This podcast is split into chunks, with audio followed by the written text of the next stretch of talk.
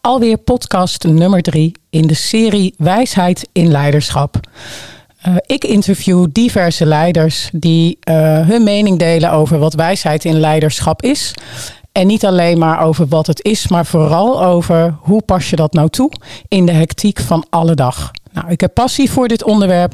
Ik wil er graag van leren, ben benieuwd hoe andere leiders erover denken.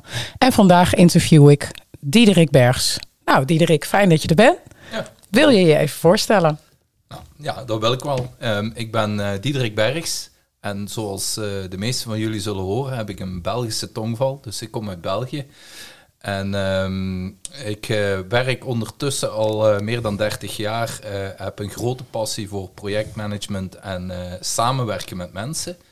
En mijn huidige functie is dat samenwerken met mensen heel belangrijk. Ik ben VP Operations van een softwarehuis in België, Dinatos genaamd. En ehm, ik ja, wil me steeds meer bekwamen in leiderschap, maar ook in, het, in het fun hebben met mensen. Want ik geloof namelijk heel erg dat, uh, dat als je plezier hebt in je werk, dat je dan ook goed werk levert. Nou, fijn, dankjewel voor het voorstellen. Um, ja, het is een podcast die gaat over wijsheid in leiderschap. Dus uh, wellicht kun je de eerste vraag al raden. En dat is vooral, wat versta jij daaronder? Ja, um, dat is een hele goede vraag. En, en, voordat ik op de vraag in wil gaan, uh, wil ik toch ook wel even duiden wat uh, wijsheid en wat leiderschap betekent voor mij persoonlijk. Want dat is wel belangrijk om, om ook de context te begrijpen. Nu, wijsheid is iets heel abstracts. Hè? Van uh, wanneer doe je iets goed of wanneer doe je iets niet goed? Uh, wat is er wijs om te doen? Het zijn allemaal waardeoordelen eigenlijk. En ik geloof heel erg dat in, in leiderschap je de waarde los moet laten. En dat je veel meer samen moet komen met mensen en uh, daardoor ook tot het uh, resultaat gaat. Uh, en daarnaast denk ik dat leiderschap niet iets is waar je zelf voor kiest, maar wat je krijgt van anderen. Want ik geloof heel erg dat je bent pas een leider als je volgers hebt. Niet omdat je een, een, een fancy titel hebt. Dus beide zijn voor mij heel belangrijk. En als je dan zegt wijsheid, heb ik het goed begrepen, gaat ook over uh, eigenlijk juist uit het oordeel stappen. Meer uh, uit meningen stappen. Heb ik dat nou goed begrepen? Ja, precies. Zo, zo kun je het ook wel uh, interpreteren. Um, voor mij is het heel belangrijk om te begrijpen wat mensen bedoelen of waarom dat ze dingen doen. Voordat je kunt zeggen van oké, okay, misschien is een andere richting of een andere optie beter.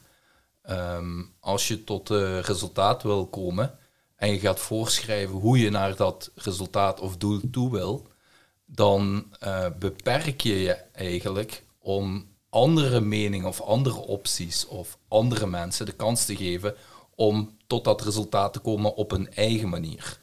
En ik vind het heel wijs om uh, de talenten te gebruiken van de mensen rond je. Dus moet je vooral openstaan om goed te kunnen luisteren uh, naar mensen en samen met hun de beste weg ergens naartoe te, te genereren. En dat brengt dan volgens mij op twee, leiderschap uh, en de definitie die je daaraan gaf.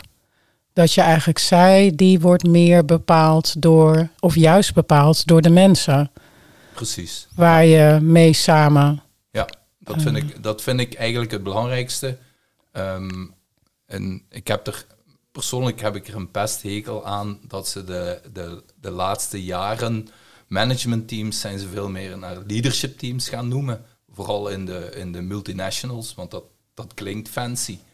Maar ja, een leadership team ben je omdat je een, een leider bent. Maar een leider word je pas door volgers te hebben en niet omdat je een, een manager bent. Het zijn vooral nog altijd managementteams. Zolang dat die niet gaan samenwerken met de mensen, geloof ik niet dat dat echte leiders zijn. Eh. En nou zeg je, ik uh, werk 30 jaar al. Hè? Uh, ik, mijn aanname is dat je 30 jaar geleden dit beeld of deze mening nog niet had. Nee, dat klopt. Dat klopt. Ik heb het uh, aldoende geleerd. Um, ik heb een grote passie voor projectmanagement ontwikkeld. dat is omdat ik projecten ben gaan doen. toen ik daarmee startte, eind jaren 90, hoe is dat echt al zo lang geleden? In het vorige millennium. ja, dat klinkt heel oud, maar goed. Het is al meer dan 20 jaar geleden dat ik met projecten begon. En de eerste projectjes waren vrij klein. Uh, de meeste had ik een, een, een, grote rol zelf in. Ik deed wat projectcoördinatie. En ik deed dat samen met een aantal mensen die ik goed kende.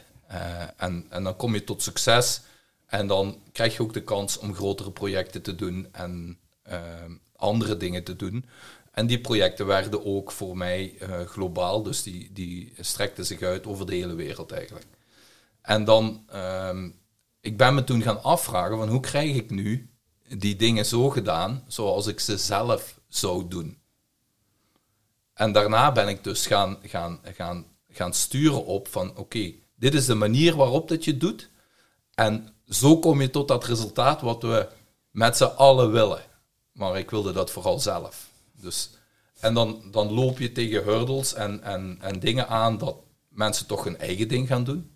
En groot gelijk hebben ze. Dus ik ben daarvan gaan leren en zo in die jaren, uh, uh, in die tien komende jaren eigenlijk, hè, want dat heeft me een aantal projecten wel, uh, wel geduurd voordat ik dat door heb, um, ben ik er veel meer van uitgegaan van als ik nu vertel wat het doel is en we maken een gezamenlijk doel en we laten die mensen die in je project werken um, vooral zelf uitzoeken hoe ze er het beste geraken, want ergens tot een doel geraken in China kan een heel andere manier zijn dan in de, in de, in de US of in België of in Nederland. Dus, hè, want al die verschillende culturen doen dingen op een andere manier, maar dat hoeft daarom niet slecht of goed te zijn, als ze maar tot dat doel geraken. Dus ik ben me heel erg gaan focussen en bijleren in de zin van hoe kan ik mensen drijven om naar datzelfde doel te gaan en dat ze het doel wel goed begrijpen. En kun je dan iets zeggen over het hoe? Dus hoe doe je dat dan? ik doe dat op een aantal manieren. Um, een daarvan is ook uh, het, het helpt om goed de tijd te nemen. En sommige mensen noemen dat ook wel een stukje te vertragen voordat je kunt versnellen. Dus de tijd nemen zodat iedereen goed begrijpt wat we willen bereiken. Dus en waarom. Vooral waarom die, die, die why is heel belangrijk om duidelijk te maken aan mensen, uh, zodat ze zelf kunnen uit, uitzoeken uh, hoe doen we dat op de beste manier. Dus ik ben uh, daarin op zoek gegaan naar, naar hoe, hoe kom je met die mensen samen naar waarom dat je doet. En je zegt, ik ben gaan uitzoeken hoe, hoe dat te doen. Kun je daar nog iets over zeggen? Dus als je het even heel praktisch maakt, je begint aan een project of een programma of je begint met een team te werken. Je zegt dan besteed je echt tijd aan het waarom en uh, het doel. Precies. Kun je het praktisch maken? Wat doe je dan en hoe lang ben je daarmee bezig? Um, het, uh, het, hangt af van de grootte van het project en, en hoe uh, goed dat het al uitgewerkt is in de zin van wat het doel is.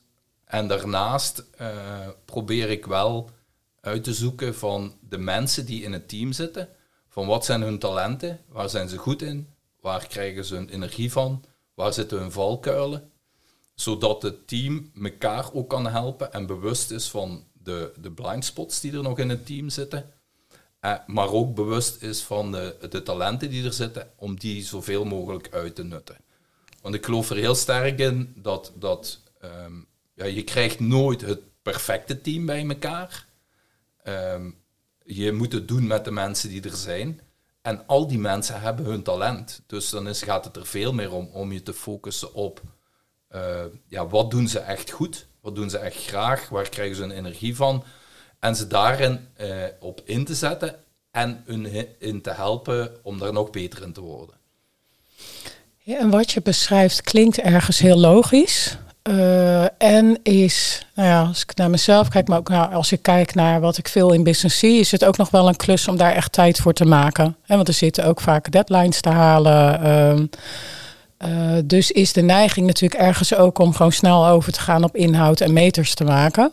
Ehm, hoe, hoe breng jij dat dan in balans? Dus hoe neem je hier dan tijd voor, terwijl je ook misschien iemand in je nek voelt hijgen? Ja, er zijn, zijn, zijn twee elementen daar. Eén, um, tijdsdruk helpt zeker niet in het begin. Dus het is, het is vooral nodig om je ook de tijd te creëren om dingen goed voor te bereiden. En dat hoort dan bij het vertragen om daarna te kunnen gaan versnellen. Dat is één ding wat ik deed. Het andere waar ik heel erg achter sta is dat um, het is niet iets van ik doe eerst dit en daarna ga ik over naar het volgende. Van ik, ga, ik ga niet eerst de, de scope helemaal duidelijk maken eh, of het doel helemaal duidelijk krijgen en daarna ga ik kijken van naar de mensen. Het is iets wat je continu doet, maar ook door elkaar vlecht. En, en dat, dat combineren van het, het, het zachte en het harde uh, maakt het voor, uh, voor mensen ook veel makkelijker om het te begrijpen. Maar ook geeft ook meer een gevoel van dat er minder druk op zit. Dus, uh... En kun je dan nog praktisch, ik zaag lekker door, hè? dus ik zaag de best door op het hoe en het hoe en het hoe. Um, maar dus inderdaad, als je dat dit dan weer praktisch maakt, wat zijn dan werkvormen, tools of manieren waarvan je hebt gezien dat werkt? En daarmee doe je het misschien net iets anders dan de inhoudsgedreven projectmanager, ik noem maar een voorbeeld.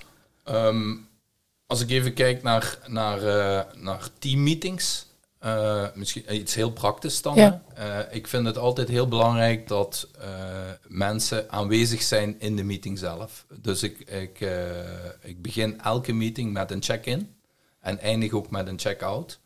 Vooral om het omschakelen tussen de meetings, hè, de, de redrace van de meetings in een dag om te zorgen dat mensen ook, ook mentaal aanwezig zijn in de, uh, in de meeting. Um, het is al moeilijk genoeg, zeker nu dat we het hybride werken echt, echt tot, tot in de max gebruiken. Uh, doordat je virtueel zit, heb je veel meer afleiding nog dan, dan dat je vroeger in eenzelfde kamer zat. Want als, als je dan fysiek achter je laptop zat en je begon wat te tikken, dan zag iedereen dat. Uh, nu zie je dat nog niet meer. Dus het is nog veel belangrijker om iedereen één in de meeting zelf te hebben, zodat ze er ook aanwezig zijn. En een, een, een tweede tip die ik daarin kan geven is van de, uh, de mensen die je wat minder hoort en die wat minder hun, hun ruimte zoeken in een, in een meeting, dus de, de meer introvertere mensen of de denkers, zorg dat die ook aan het woord komen. Want die hebben meestal wel de beste ideeën, alleen die ventileren ze niet. En worden een beetje weggedrukt door de mensen die makkelijker praten of of meer te zeggen hebben misschien. Maar ja, meer te zeggen wil niet zeggen dat dat altijd even waardevol is.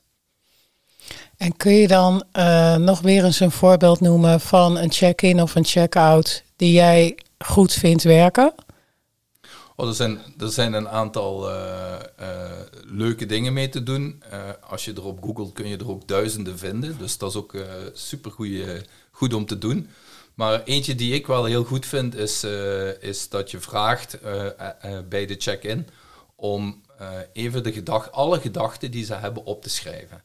Zowel privé als, um, als zakelijk.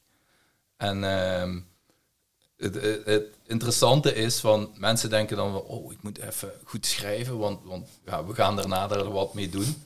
Maar je doet er niks mee. Het is enkel om het hoofd leeg te maken. En ik vind dat een super, uh, super cool ding. Vooral omdat je er daarna niks meer mee doet. En mensen wel verwachten dat je er wat mee gaat doen. En welke reacties krijg je dan? De, de, de meeste mensen vragen na de meeting, ja, waarom moest ik dit eigenlijk uh, opschrijven? En, en dan, ja, het is heel simpel. Je, je moest het opschrijven om je hoofd leeg te maken. Niet omdat je wat moest opschrijven, dat we er daarna wat mee gingen doen. Ja. En ze begrepen dus niet wat het doel was van de oefening. En dat vind ik er leuker ervan, want het leert mensen ook nog. Die oefening leert mensen ook nog eens dat je soms dingen doet die niet direct naar een doel wijzen, maar toch wel een heel erg goed doel hebben. Dus, uh. Klinkt uh, goed en leuk, grappig ook. Uh, en wat heb jij dan, nou, ik zou bijna zeggen, bewezen voor jezelf of met het team, dat je daarmee ook uiteindelijk tijd bespaart? de tijd die je investeert in, het, in de start? Dat is een hele goede vraag. Uh, dat vind ik zelf ook wel. Ja, dat is dingen. Ik ben, ik ben wel iemand van de KPI's. Uh, en, en ik wil ook graag altijd dingen meten, hè, want meten is weten. Eh, maar in dit geval heb ik het, het, meten meer losgelaten. Ehm, er zijn een aantal dingen die, daar kun je het resultaat wat moeilijker van meten. En dan gaat het meer over dat je erin gelooft. Ehm, en, en ik doe die dingen omdat ik geloof dat het teams sterker en beter maakt. En een sterker en beter team gaat altijd sneller of anders naar resultaat dan een team dat minder samenwerkt. Dat is gewoon zo. En ik neem wel aan dat je misschien voorbeelden hebt waar je die jouw geloof hebben gesterkt. Klopt dat? Dus zie je dan inderdaad je team krachtiger? Word je op dit moment bevestigd? Wat, wat, wat ik bevestigd heb, is dat mensen die elkaar uh, beter leren kennen op, uh, op zakelijk vlak, maar ook zelfs uh, persoonlijk, um, dat die sneller en makkelijker conflict kunnen afhandelen. Dus ehm, kijk, en, in ieder traject, ieder project, ieder, alles wat je doet, op een gegeven moment zal er een conflict ontstaan. En hoe sneller uh, dat je die uit de weg ruimt, hoe beter. Dus als mensen open zijn naar elkaar en vertrouwen hebben in elkaar en, en de durf hebben om dingen tegen elkaar te zeggen, en dan gaat het over in dit geval een conflict, dan uh, kun je het ook sneller opruimen.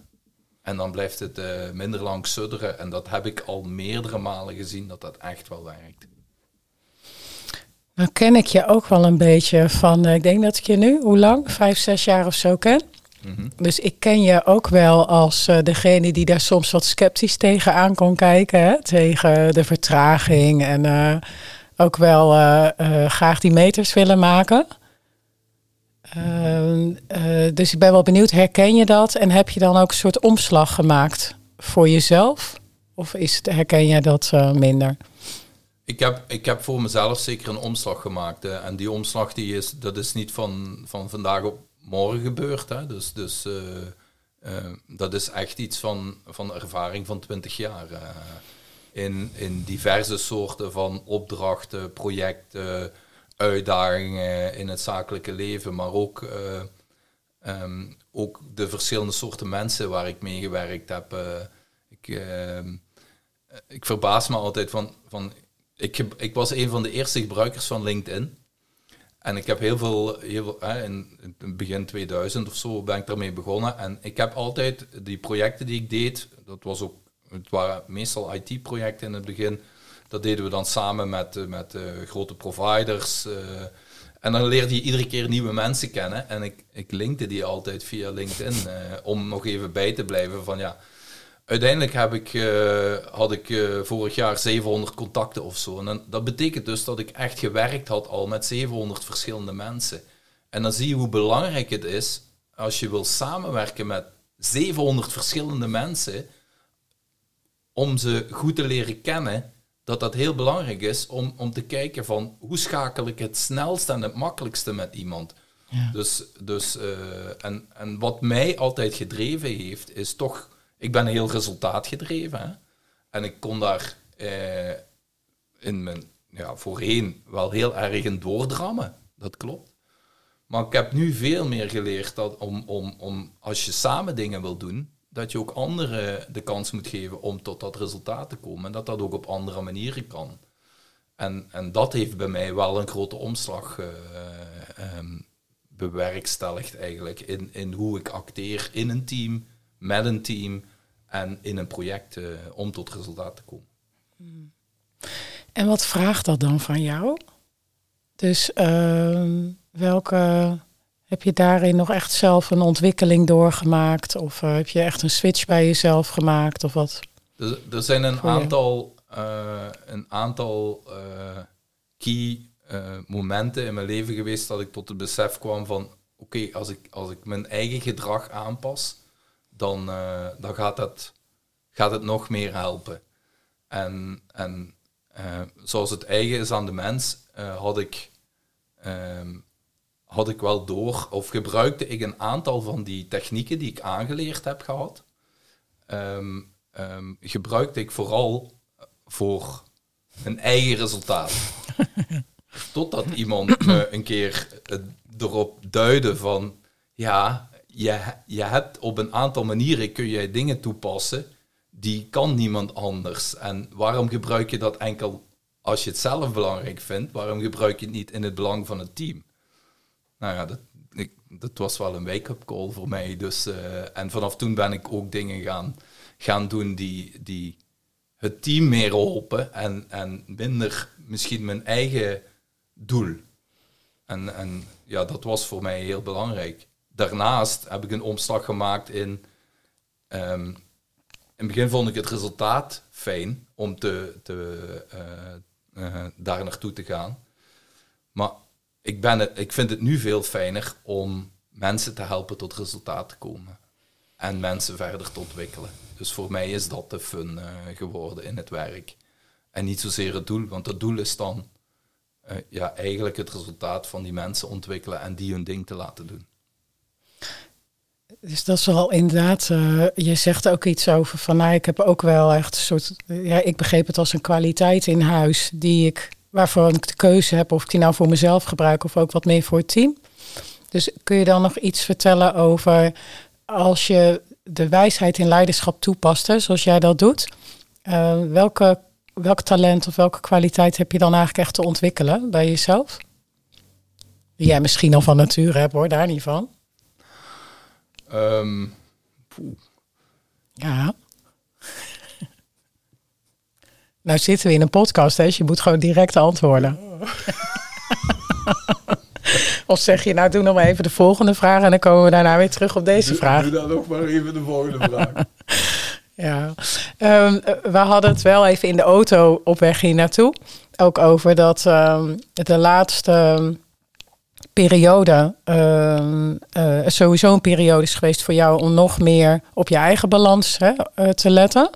Precies. Ja. Um, ja. dat is eigenlijk misschien ook een vraag die koppelt aan mijn voorgaande vragen. Ja. Van wat werkt voor jou om je eigen balans te bewaren? want jij werkt ook volgens mij in de waan van alle dag en in de hectiek van alle ja. dag. Wees, het is, volgens mij zit jij ook op een plek waar de druk en op resultaten ook nou, een rol speelt. Ja, precies. Dus hoe hou je dan jezelf echt in balans? Ja, en daar heb ik ook uh, inderdaad in de afgelopen maanden een les in, uh, gehad. Hè. Dus uh, in de rol waar dat ik nu in zit, schakel je makkelijk, of zou je makkelijk moeten schakelen tussen operationeel, tactisch en strategische onderwerpen. Um, en, dat, en dat gaat niet in volgorde en dat gaat niet per uur of per dag. Dat, dat, dat, dat dient zich aan. Hè? Dus, dus, en tijd te maken om over de lange termijn te denken is soms moeilijk, dat, dat klopt. Um, door uh, privéomstandigheden heb ik, uh, heb ik helaas wat minder tijd en minder energie kunnen besteden aan, aan het werk. Um, en dat heeft me wel geleerd om, um, en dat ben ik ook gaan ontwikkelen, om heel erg goed de focus en de prioriteit te gaan leggen. En dan zie je toch dat door een stukje management of expectations ook in mijn omgeving. Hè? Want, uh, want je moet ook wel duidelijk stellen wat, wat kan en wat niet kan. Uh, maar daarnaast ook uh, door middel van focus aan te brengen in wat je doet. En toch echt wel te bedenken van wat zijn nu de echte belangrijke dingen die ik moet doen. En niet gewoon de waan van de dag te volgen. Um, ben ik toch, ja, ik heb eigenlijk in de laatste maanden zo geleerd dat ik nu meer gedaan krijg met veel minder tijd en veel minder energie. En dat is volgens mij wel mooi. Want in die zin uh, kan ik me voorstellen dat menig uh, manager en projectmanager toch ook wel graag een uh, goed voor zichzelf zorgt. Nou, dat dat ook wel een klus is. Um, dus dan nog even denk ik wel terug naar die voorgaande vraag. Maar die beantwoord je denk ik ook al voor een deel. Van wat heb je echt nodig om die vertraging en weet je, die vorm van wijsheid in leiderschap ook uh, toe te passen. Dan zeg je volgens mij nu al iets over focus. Ja. Um, heb je daar nog aanvullingen op? Het gaat over focus, uh, prioriteit, maar ook over vertrouwen in dat de anderen hun ding doen. Ja. En, en dat, dat, uh, dat wil niet zeggen dat ik graag dingen controleer. dat doe ik absoluut niet graag. Maar ja, het niveau van vertrouwen, daar zijn ook nog niveaus in. Uh, en, uh, en ik heb voor mezelf ook omdat ik het zelf nodig had, daarvoor gekozen van oké, dit zijn de dingen die ik kan doen. En ik heb er vertrouwen in dat de anderen uh, de rest wel doen. Ja. En ik ben veel meer gaan focussen op waar kan ik uh, de anderen nog in helpen, uh, zodat ze ook hun ding kunnen doen. Ja, ja. En um, ja, dan had ik net een vraag in gedachten. Nou ben ik hem ineens weer kwijt. Dat was natuurlijk wel. Dat, dat was het, uh, echt wel een heel mooi antwoord van. Volgens mij was het ook wel een hele belangrijke vraag. Maar meestal is als je hem vergeet, is hij dan uiteindelijk toch niet zo heel belangrijk. Ja, en al pratende kom ik er dan op. Ja. Um, dat is een beetje ter afronding. We gaan over op uh, uh, richting het einde. Mm, uh, heb je nog iets van een valkuil of hè, die je kunt delen? Iets wat, waarvan je zegt, oh ja, dat is nog wel ingewikkeld. Daar trap ik toch steeds weer in. Daar heb ik nog wel een klus te klaren om uh, wat in te leren. Nou, wat ik, wat ik nu ook weer gezien heb, hè, van ik ben um, de rol waar dat ik nu in zit, uh, doe ik eigenlijk sinds januari. En um, de, de content uh, van de job is nieuw voor me. Dus, dus uh, het onderwerp, uh, wij zitten in Financial Process Automation. Um, dat was nieuw voor me. Ik heb een aantal functies doorzworven, maar dit, dit was nieuw. Dus in de eerste maanden had ik dus, liep ik geen risico om in de valkuil te trappen dat ik te diep zou gaan of dat ik de content in zou gaan en dat stuk al zou overnemen van anderen. Um, dat ben ik toch weer gaan doen nadat ik mezelf weer een aantal dingen had geleerd. En, uh, en, en, en door, ja, door dat voorval wat ik nu gehad heb in de afgelopen maanden, uh, ben ik me dat wel weer gaan realiseren. Dus de, de valkuil om, om dingen weer te diep te gaan doen en, en weer te veel operationeel bezig te zijn, terwijl daar niet mijn kracht zit. Uh, terwijl mijn kracht veel meer zit in het tactische uh, en het strategische en, en het samenwerken met mensen en het ontwikkelen van mensen, um, ben ik nu weer uh, aan het schakelen daarop. Maar ik heb dus een, iets nodig gehad dat me dat ja. weer heeft laten inzien. Dus, uh, ja, dus dat noemen ze toch van noodzaken een deugd maken of iets in die richting. Ja, precies. Ja, precies. Ja. ja. Nou, we stappen inderdaad over op de afronding. Mm, is er nog, als het gaat over het toepassen van wijsheid in leiderschap in de hectiek van alle dag, mm, wat is dan het belangrijkste wat je mee zou willen geven aan projectmanagers, leiders, programmaleiders? Nou ja, ik heb um, um, in een van mijn, uh, uh, van mijn projecten die ik gedaan heb, had ik een, uh, een eigenlijk een baas die, die, die zat in Singapore. Die, die, die sprak ik bijna nooit. Uh, en uh, ik was heel benieuwd hoe ik het deed, want ik ben, ben wel altijd heel resultaatgericht geweest. En ik wilde ook altijd wel graag doen, uh, goed doen. En, die, um, en ik vroeg hem een keer, ja, hoe doe ik het eigenlijk? En die vroeg heel simpel terug van, ja, maar heb je ook plezier in je werk? En ik zeg, ja, tuurlijk. Ik, uh, ik amuseer me rot eigenlijk. Hè. Amuseren is uh, uh, het leuk hebben in het Belgisch. um, en um, ik heb echt wel fun in mijn werk en ik kom ook graag werken. Nou, zei hij, dan, dan moet je wel iets goed doen. Want ik kan me niet voorstellen dat iemand die iedere morgen uit zijn bed komt en met plezier gaat werken, dat hij iets fout doet op het werk. Dus uh, blijf dat vooral zo doen. Uh, dus het enige wat ik, uh, of, of misschien als je vraagt van wat kun je meegeven aan wijsheid in leiderschap. Nou, vertrouw op je mensen, maar vraag ook regelmatig of ze nog plezier hebben in hun werk. Want als dat zo is, dan zijn ze zeker bezig met de juiste dingen. En in België noem je dat amuseren. Ja, en dat, dat heet je amuseren in België. dat is wel een mooi woord ook. Nou, echt heel erg bedankt voor uh, de inzichten en uh, natuurlijk jouw wijsheid. Uh, dus nou ook dank aan IPMA voor de productie van deze podcast. Um, ik hoop jullie, nou ja, ik wens jullie in ieder geval veel luisterplezier toe. En nou, ik ga ook weer voor het volgende interview. Maar ik heb hier in ieder geval ook heel erg van genoten. Dus dankjewel. Oké, okay. geen dank.